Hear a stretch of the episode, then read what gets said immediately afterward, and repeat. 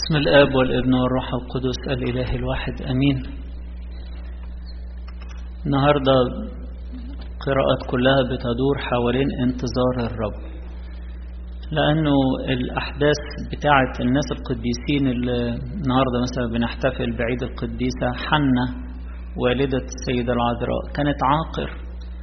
وفين لما ربنا سمع لصلاتها وجابت الست العذراء؟ وبنسمع دلوقتي الإنجيل عن أليصابات برضو اللي كانت عاقر وزكريا الكاهن وفين ربنا سمع صلاتهم وبعد مدة عطاهم يوحنا. والقراءات كلها فيها الإشارات عن انتظار الرب. يعني مثلا في البولس بولس الرسول بيبعت لأهل رومي بيقول لهم أنا نفسي أجيلكم من زمان. وأنا واثق إن ربنا هيرتب وهجيلكم هو راح لهم بعدها يمكن بسبع سنين ولا خمس سنين. لكن في انتظار. يقول أنا واثق إن ربنا هيرتب وهقدر أجيلكم عشان يكون ليا ثمر عندكم كمان زي ما بروح في كل مكان وبشر وبجيب ثمر للمسيح أجيب ثمر من عندكم. وفي الكاثوليكون يقول إيه؟ يقول طوبى للرجل الذي يصبر في التجربة لأنه إذا تزكى ينال إكليل الحياة الذي وعد به الرب الذين يحبونه.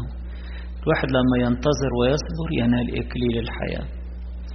وفي الإبراكسيس طبعا برضو إستفانوس بيحكي القصة بتاعت عمل ربنا مع شعب إسرائيل. بيحكي لما ربنا كلم إبراهيم ولا أنا هدي لك الأرض دي كلها أنت ونسلك. طبعا إبراهيم كان لوحده وقتها. أنت عايز ناس كتير طبعا علشان خاطر يرثوا الأرض دي كلها. فقال معلش هناخد بقى شوية وقت أكتر من 400 سنة. هيروحوا أرض غريبة وهيتعرضوا لظروف صعبة لكن هي في الأرض دي هيكتروا. هيكتروا وأنا هحط بركتي فيهم فهيكتروا جدا. وبعدين يرجعوا يرثوا الأرض دي. فانتظار الرب دي حاجة مهمة خالص. عشان كده بفكر أفكركم بس الثلاث حاجات كده. كيف ننتظر الرب؟ ثلاث تدابير. كيف ننتظر الرب؟ أو ثلاث تداريب أول حاجة انتظار الرب قبل ما أقول أي حاجة يعني. انتظار الرب ده مش عمل سلبي. لازم أكون إيجابي في انتظار الرب.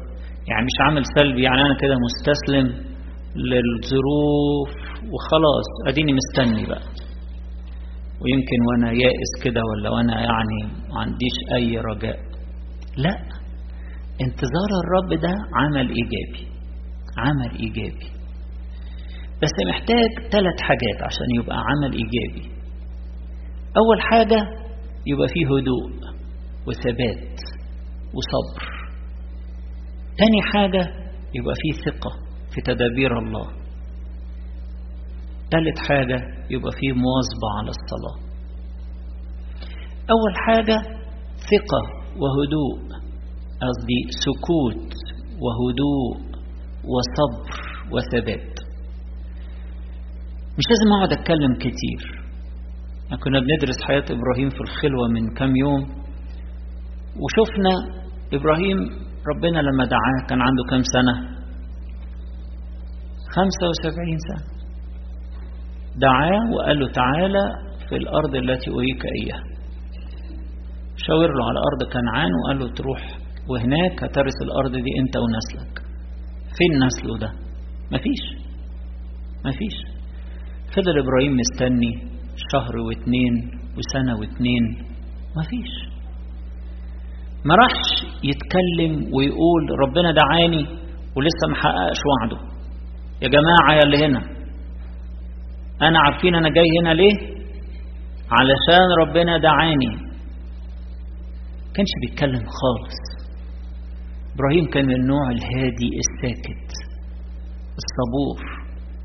فين بعد عشر سنين؟ ربنا قال له ما تخافش أنا هدي لك نسل.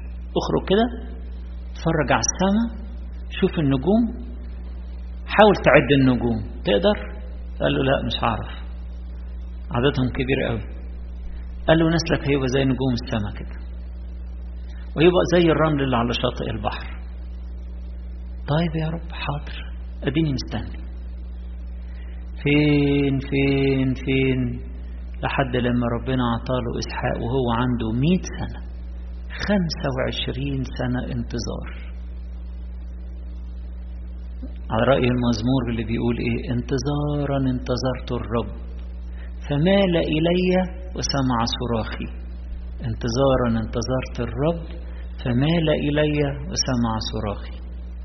فأول حاجة إن إحنا ننتظر في هدوء وثبات وصبر. مش لازم نتكلم مش لازم نشتكي مش لازم نتذمر. مش لازم نعمل شوشرة ونقول أنا بقالي مستني. فين؟ لا لا لا. هدوء وثبات وصبر. ربنا لما بيوعد لازم يوفي وعده. لازم.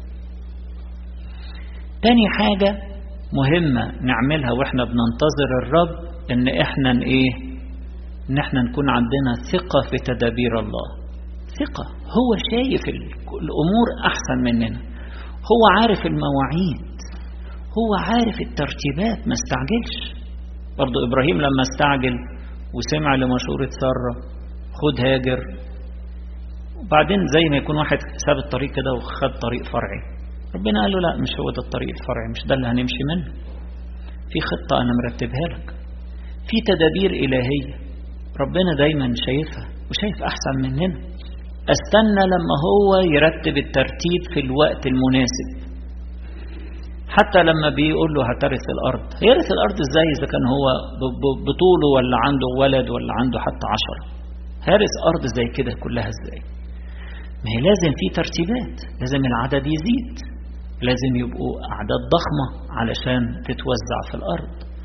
فكل الترتيبات دي ربنا اللي شايفها لأنه شايف المستقبل. شايف المستقبل زي الحاضر بالظبط. شايف كل حاجة لأن ربنا فوق الزمن. شايف كل حاجة. فلازم نثق في الترتيبات بتاعته. نثق في الترتيبات بتاعته. هو اللي شايف. أنا مش شايف هو اللي شايف. أنا واثق فيه وعندي رجاء فيه وعندي إيمان إن هو بيعمل أحسن حاجة في الوقت المناسب. عندي إيمان إنه بيحبني وعندي إيمان إن هو بيرتب لي أجمل حاجة في الدنيا. وأنسب حاجة ليا. عشان كده ولاد ربنا عشان عندهم الثقة دي ما يشتهوش حاجة مش بتاعتهم. يقول طب أنا نفسي أبقى زي فلان. أنا نفسي أعمل زي فلانة. أنا نفسي أخد المكان ده. أنا نفسي نثق في ترتيبات الله لينا ونفرح بيها لأن دي أنسب وأجمل حاجة لينا. أنسب وأجمل حاجة لينا. الطريق اللي ربنا عايزنا نمشي فيه هيفتحه لنا في الوقت المناسب هيفتحه لنا واللي مش عايزنا نمشي فيه علشان ده مش فيه مصلحتنا. بيقفله ما نزعلش. بالعكس واثقين. لسه ما عطناش. نصبر. زكريا واليصابات صبروا عشرات السنين. وفي الآخر ربنا عطاهم إيه؟ أعظم مواليد النساء من الأنبياء. أعظم مواليد النساء. عطية ربنا حلوة. بيجي وقت كده سماه في المزمور هنا وقت التحنن أو وقت التراؤف على أورشليم. أنت يا الله ترجع وتتراءف على صهيون لأنه قد أتى وقت التحنن عليها. الله في وقت كده معين ربنا مرتبه.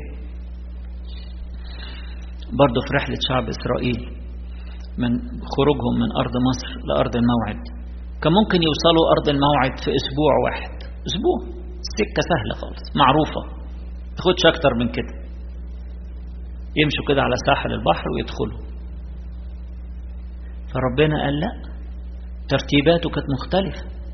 قال الشعب مش متعود تماما لا على الحرب ولا على مواجهة ناس ولا أي حاجة. ولا يعرف ظروف الأرض إيه؟ الناس دي اتولدت كلها في مصر. تعرفش أي حاجة عن الأرض اللي هي رايحاها؟ لازم ياخدوا شوية وقت يستووا فيه واتكلم معاهم ويشوفوا قوتي وأنمي إيمانهم. ف مكتوب كده في سفر التكوين إن هو في سفر الخروج إن هو مرضاش يوديهم على أرض كنعان على طول. مع إن هم المفروض موسى بيقول لهم تعالوا إحنا رايحين أرض كنعان. الأرض الموعد. لا. يقول لك ربنا قال إيه؟ قال إنه هيلاقوا حرب هيجزعوا مش هيقدروا يكملوا هيرتدوا ويرجعوا. وقال لموسى كده قال له الأرض دي هتاخدوها تدريجيا علشان لا تكثر عليكم وحوش البرية. يا رب أنت بتفكر في حاجات إحنا ما بنفكرش فيها خالص. ولا تخطر على بالنا. أيوه. ما هي دي طريقة ربنا؟ هو شايف كل حاجة بيعتني بينا. ولأنه حافظ وشايف وعارف كل حاجة بيعمل لنا الحاجة في الوقت المناسب. فقال لموسى دور وانزل على الجنوب. عدوا البحر الأحمر. ونزلوا على إيه؟ على جنوب سينا في الجبال. وقعدوا لحد لما وصلوا تاني مشارف أرض الموعد. كان فات سنة وشوية. خدوا فيها اختبارات وخدوا فيها وصايا ربنا وشافوا نعمته وشافوا بيوكلهم وبيشربهم إزاي وشافوا أعماله العظيمة. وت... علشان يبتدوا وهكذا ربنا دايما عايز واحد واثق في ترتيباته وفاهم إنه ربنا بيعمل الحاجة في الوقت المناسب. يبقى كيف ننتظر الرب؟ نمرة واحد في هدوء وثبات وصبر. نمرة اتنين ننتظر الرب في ثقة في مواعيد الله. ثالث حاجة استمرار الصلاة المواظبة على الصلاة. مش أنا بنتظر الرب وأنا عطي ربنا ظهري. أنا بنتظر الرب وأنا حياتي ملتصقة بربنا وأنا مواظب على الصلاة. وكل يوم بقول له لتكن مشيئتك في حياتي. دبر حياتنا حسب إرادتك الصالحة لتكن مشيئتك في حياتي يا رب. كل يوم أنا بصلي وبنمو في معرفة ربنا وفي محبته لأن الصلاة بتنمينا. العشرة مع ربنا حلوة. بتزود إيماننا وتزود ثقتنا وتزود ثباتنا. فانتظار الرب لازم يكون مصحوب بالصلاة. مش واحد يقول لك أنا استنيت ربنا كتير وهو مش بيسمع لي خلاص أنا زعلان من ربنا. مش هصلي. مش هروح الكنيسة. إيه ده لا. ده ساب الطريق وخرج بره. ركن. ركن. مش هيوصل خالص ده. وهيندم على الوقت اللي بعد فيه عن ربنا. هيندم جدا. إن ربنا حلو. ربنا حلو. إبراهيم لم يكف عن إن هو يرفع الذبائح لربنا ويصلي. لم يكف. وربنا كان أمين معاه طول المدة دي على الرغم ما كانش لسه عطاله أبناء. انتظار الرب لازم يكون مصحوب بالصلاة. ما نوقفش صلاة ابدا ابدا. صلاتنا بربنا دي تفضل حية خط مفتوح خط مفتوح. الحرارة فيه شغالة فيه باستمرار مهما حصلت ظروف صعبة أو الحرارة شغالة كده في حرارة في الصلاة ومواظبة على الصلاة. وبكده تتحقق مواعيد الله لنا. مواعيد الله صادقة وأمينة وهيقدمها لينا وهيديها لنا هيدينا الملكوت. أباكم قد سر أن يعطيكم الملكوت.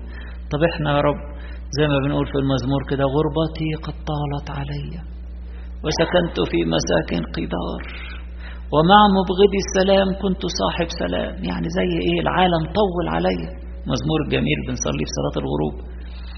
غربتي قد طالت علي. ننتظر الرب.